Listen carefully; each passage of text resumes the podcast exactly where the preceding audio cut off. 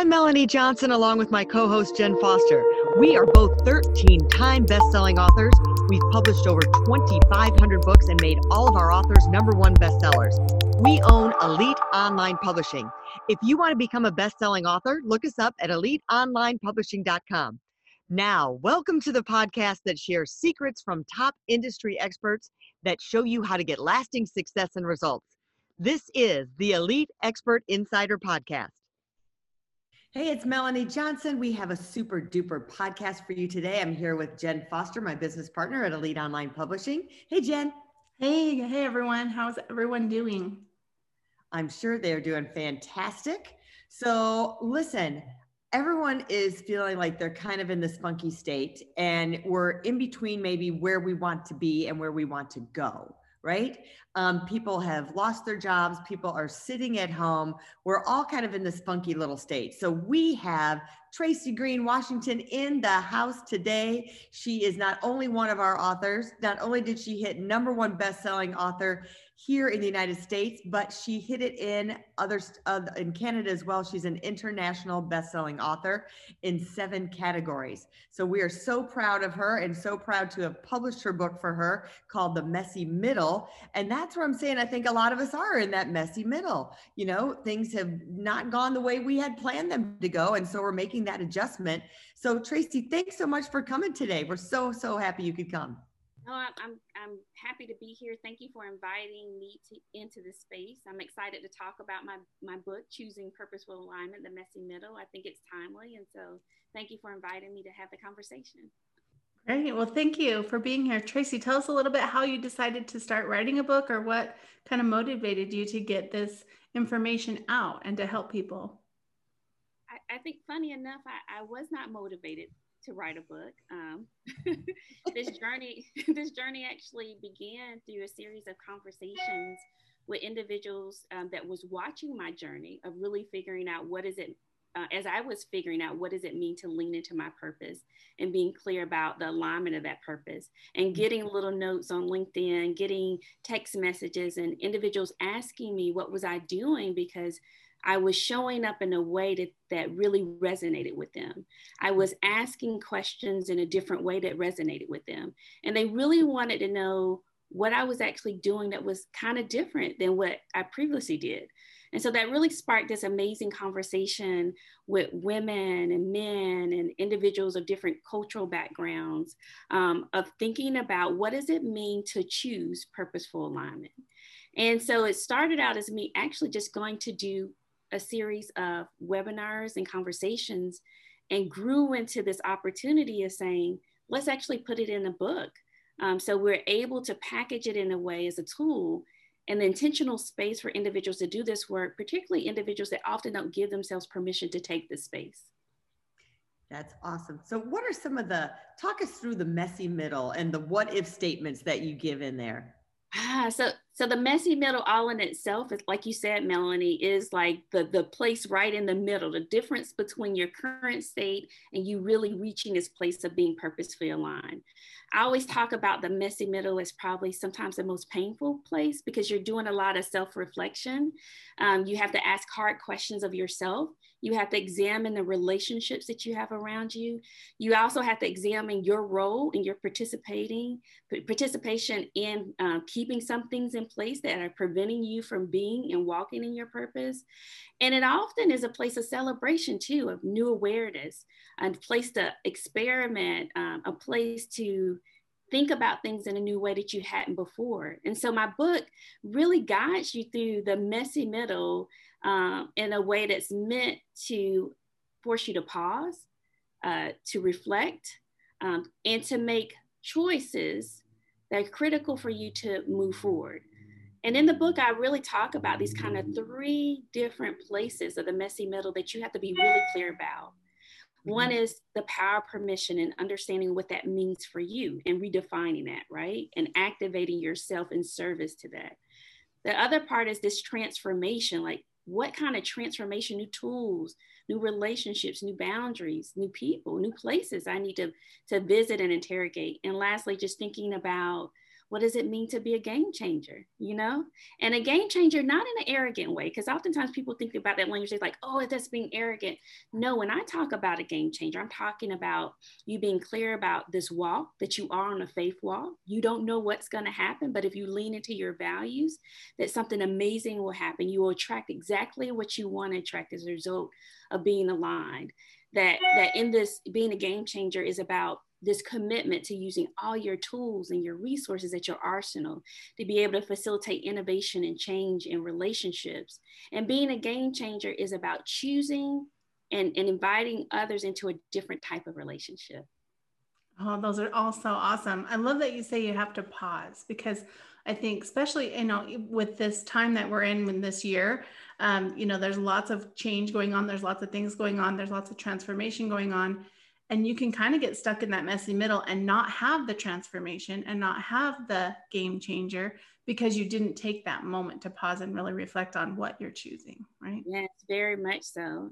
Very much so. So in the book one of the things that um, i've provided as a prompt is a series of questions um, to help you pause.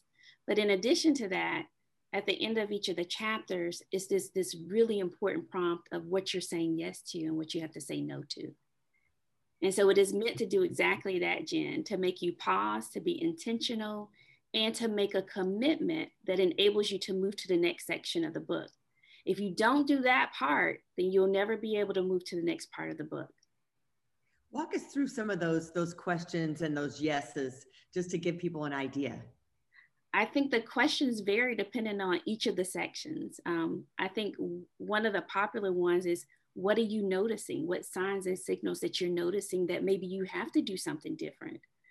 Um, what fears may be coming up as a result of pondering what that different could be? Um, what new relationships or people do you have to call on as you are pondering and thinking about and grappling with those questions? Um, what are some of the shadows that you have to kind of confront that are just secretly lurking behind that we don't always um, talk about that can get in the way and, and, and sabotage what we want to do. Um, and I think for me, when I think about this question of no's and yeses, right? When you think about even the, the idea of saying yes to giving yourself permission, permission to do what? You know so interesting enough i had the opportunity to do some facebook lives this weekend i think one of the, the things that came up for me from those facebook lives was uh, this constant thread of people from the very beginning having to even say explicitly i'm saying yes to using my voice mm. and if i mm. use my voice i'm saying no to people who are trying to say that my voice isn't valid I'm mm-hmm. saying no to the narratives that I'm that are playing out in my head and the narratives that people are putting out into institutions and places that don't serve me or represent me. And I'm saying no to to maybe relationships that have hindered me and I've used as a crutch as I move forward. So in order for me to say yes to my voice, I have to say no to these things. And by saying no to these things, that I'm a set, I'm I'm really positioning myself in this alignment to reach my full purpose, to attract exactly what I want to do and position me in the places and spaces and institutions where I can be bold, innovative, and have the impact that I want to have in the world. That's so awesome that you're sharing this message out to people. Let's talk a little bit about kind of the process of how you published your book and kind of how you wrote it. And because I'm sure some people are interested in that part of it. Right. I, I I'd love to talk about it. Um, for me, uh, it may be different for other folks. It was hard to get started. I had a lot of these conversations and things in my head. I think that I've written them down several different ways in terms of from a structure perspective because both Jen and Melanie has gotten to know me and they know that I like structure and thinking about how you sequence things in that way. And um, and it was hard for me to get started. And so the process for me, um, having Anita Henderson being a, a, writing midwife, work with me to keep me both accountable, to encourage me, and also give me feedback along the way was a critical part of it. And I remember the moment where I, I had to admit that I was stuck and having to reach out to Anita. Anita said, Where is your gut saying you should start? And I told her, I said, I have to actually start at the end to write the book. So I actually wrote the end first before I wrote the beginning of the book. Um, and once I wrote the end, things began to flow. And it was a process of making sure that um, having Anita by my side, definitely encouraging me to um, be clear about my intentions each week about what how many words I was writing, mm-hmm. um, and also when I got to the point where we had reached um, the kind of max in terms of uh, the, the, the word count or the you know the, the outcome that we wanted, really um, being intentional about the process to um, to allow for feedback revisions going forward. I think one of the things that was a beautiful gift to me through the process is the gift of beta readers because you because you are in this process and you're in your head and you're like is this really a message that people want to hear and so having the opportunity to send out the beta readers gives you the opportunity to hear from from individuals that care about you um, to really give you honest feedback and will be truth tellers to you and mm-hmm. also um, to, to push you there were some places that i don't know if i was ready to go to and my beta readers were very clear with me that I had to go go to that place and be explicit if I was going to tell the story right. And if I really was going to be a, servant to supporting people in this space. And so that gift alone was just really a beautiful part of it. And of course, having both Jen and Melanie um, usher me through the last part of it of thinking about the design and thinking about you know what tools you want to provide and how you want to structure it how you want to talk about it um, as well as Wayward Kind supporting me as well. And what's beautiful about this team um, is that they allowed me to show up as my authentic self and show my authentic voice through every step of the process from the marketing to telling my story to even the cover, really representing who I was. And so just a lot of gratitude to everybody. That's great. Yeah. I think it, I think it's important to know that, you know, it does take a team and like all the people you just mentioned you know you couldn't have done it by yourself and i think a lot of times people say i'm going to write a book and then they try and do it everything themselves and they're not taking that pause moment and choosing which way to go like kind of like you're choosing that purpose purposeful alignment on their book. So i love that you um, you know are recognizing all the team members that helped you to get this done. Because you did all a lot of the work but you also had a team to help you implement it takes stuff. a village to do it. It really does. It takes a village. And I remember at the point where I thought I was finished writing, and Anita was like, No, you have more to write. you know, you're like, Oh, okay, you know. and it was in response to these beautiful gifts from, you know, I really believe that feedback is a beautiful gift.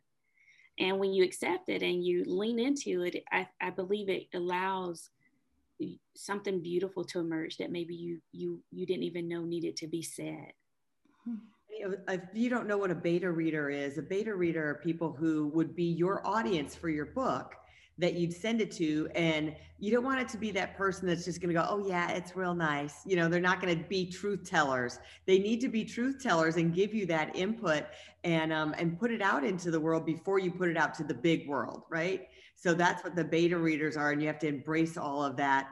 And um, the process was so fast and we were back and forth so much in between. Um, how do you feel, and how do you think it's changing your business or the trajectory of just the communication process of launching your book? Um, I think that it gets you ready to talk about your book uh, in a way that feels right for you because you're in this, this you're in this kind of uh, bubble and you're writing, writing, writing, writing, and sometimes you're not really talking about the book. And so I think for me, it gave me space to not only talk about the book and think about how I want to, um, what the places that, that are salient in terms of making the points that I wanted to articulate about the book. But it also gave me some opportunities identifying places where I wanted to experiment in how I was talking about the book as well. Um, I think for me, um, writing the book was my gift back to community, to people and um, places that wanted to explore this topic. I never expected that the book could be such a powerful tool for, for individuals. And what I what's being revealed to me is that the book is just one piece of this evolving um, puzzle and way of me doing work and supporting and being a servant leader in this work. And it allows the invitation for people to invite me in the spaces that I hadn't even thought about. And so I'm seeing that already of being this invitation of places and spaces and opportunities um, to support individuals in this journey that wasn't a part of my original vision. And so your your vision evolves and change, your business evolves and change, but your values stay the same. Yeah. I love that. It's great to have a tool like that that can propel you forward.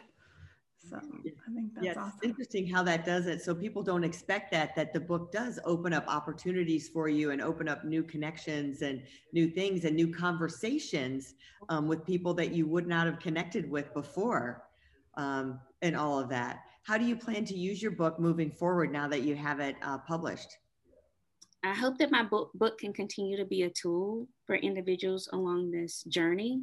One of the things that I de- definitely want to do um, um, as a part of this work and involving places and intentional space for individuals to do this work is that next year in 2021, we'll have a webinar series called Aligned that will track with the components of the book and will allow from a, from a collective or group experience for individuals to walk through the book, walk through questions, walk through the process uh, to support them as they are making these intentional choice points as they move forward. And I hope as a result of creating the webinar series that it be a complementary piece for those that are inspired by the book as a proposition to actually do the work that they may not be able to do individually or just want to be a part of a collective to be able to do it in a way that feels safe, that feels brave, that feels courageous, and having this placeholder as a way of doing it as they move forward. So I'll start advertising, and um, individuals that sign up for my website will see will receive updates about that impending um, series that'll come up in 2021. But I hope it it will be helpful to individuals, and I hope that that it will invite them into the space, and that they will choose and make their first yes to themselves to be able to sign up for it, so that they can actually be clear as we move into 2021 one of the things I've, I've told people um, on multiple interviews and conversations is that um, 2020 has been an amazing year. It's been a challenging year. It's been a year of reflection. It's been a year of growth and stretching. And what 2020 also is the beginning of a decade. Everything that we're seeding this year in 2020 will show up in the next 10 years. And if you are seeding an intentional process to walk into purposeful alignment, I don't know what's in store for you for 2021 and beyond, but I know it will it will redefine and define your journey, your story, your experience, your impact, and has the power to move you from not only being successful to being significant in your institutions and your work in your sectors going forward. I love that. And it's so important to to think about 2020 as that like the beginning, right? Mm-hmm. It is. A decade. It's been great having you on. We are so proud of you that you have become an international bestseller. Um, your book is out in ebook and paperback. And, um, and I love that what you said, you're using your book, it's really the launch pad and cornerstone to launch other products and services like your webinar from there.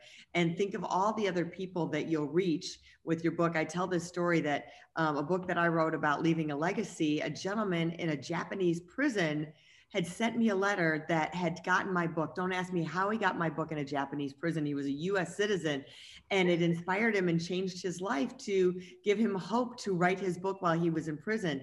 So, Tracy, you just never know whose hands your book is going to get into and whose life you're going to change or shift and make their next decade phenomenal because of the words that you wrote and you put out into the universe. So, we're really grateful for that. I receive it and I, and I, and I hope that happens. One of the things that, um, I, that I have put out there for individuals who are not sure if they're ready to move into this space is on my website, you'll find a tool called a purposeful alignment quiz.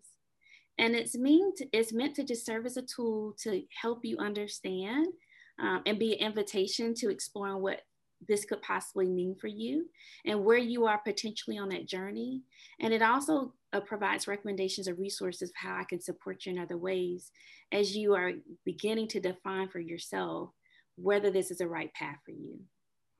That's great. Where can tell the um, website name so people can go and find the quiz. Oh, I love to. So um, it's indigoinnovationgroup.com.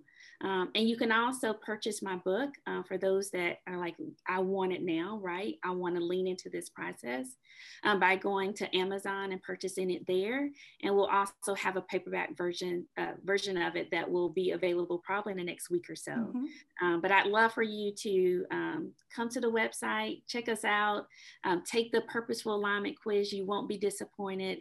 Um, and if you're called to purchase the book to begin the process of thinking about what this proposition could mean for you.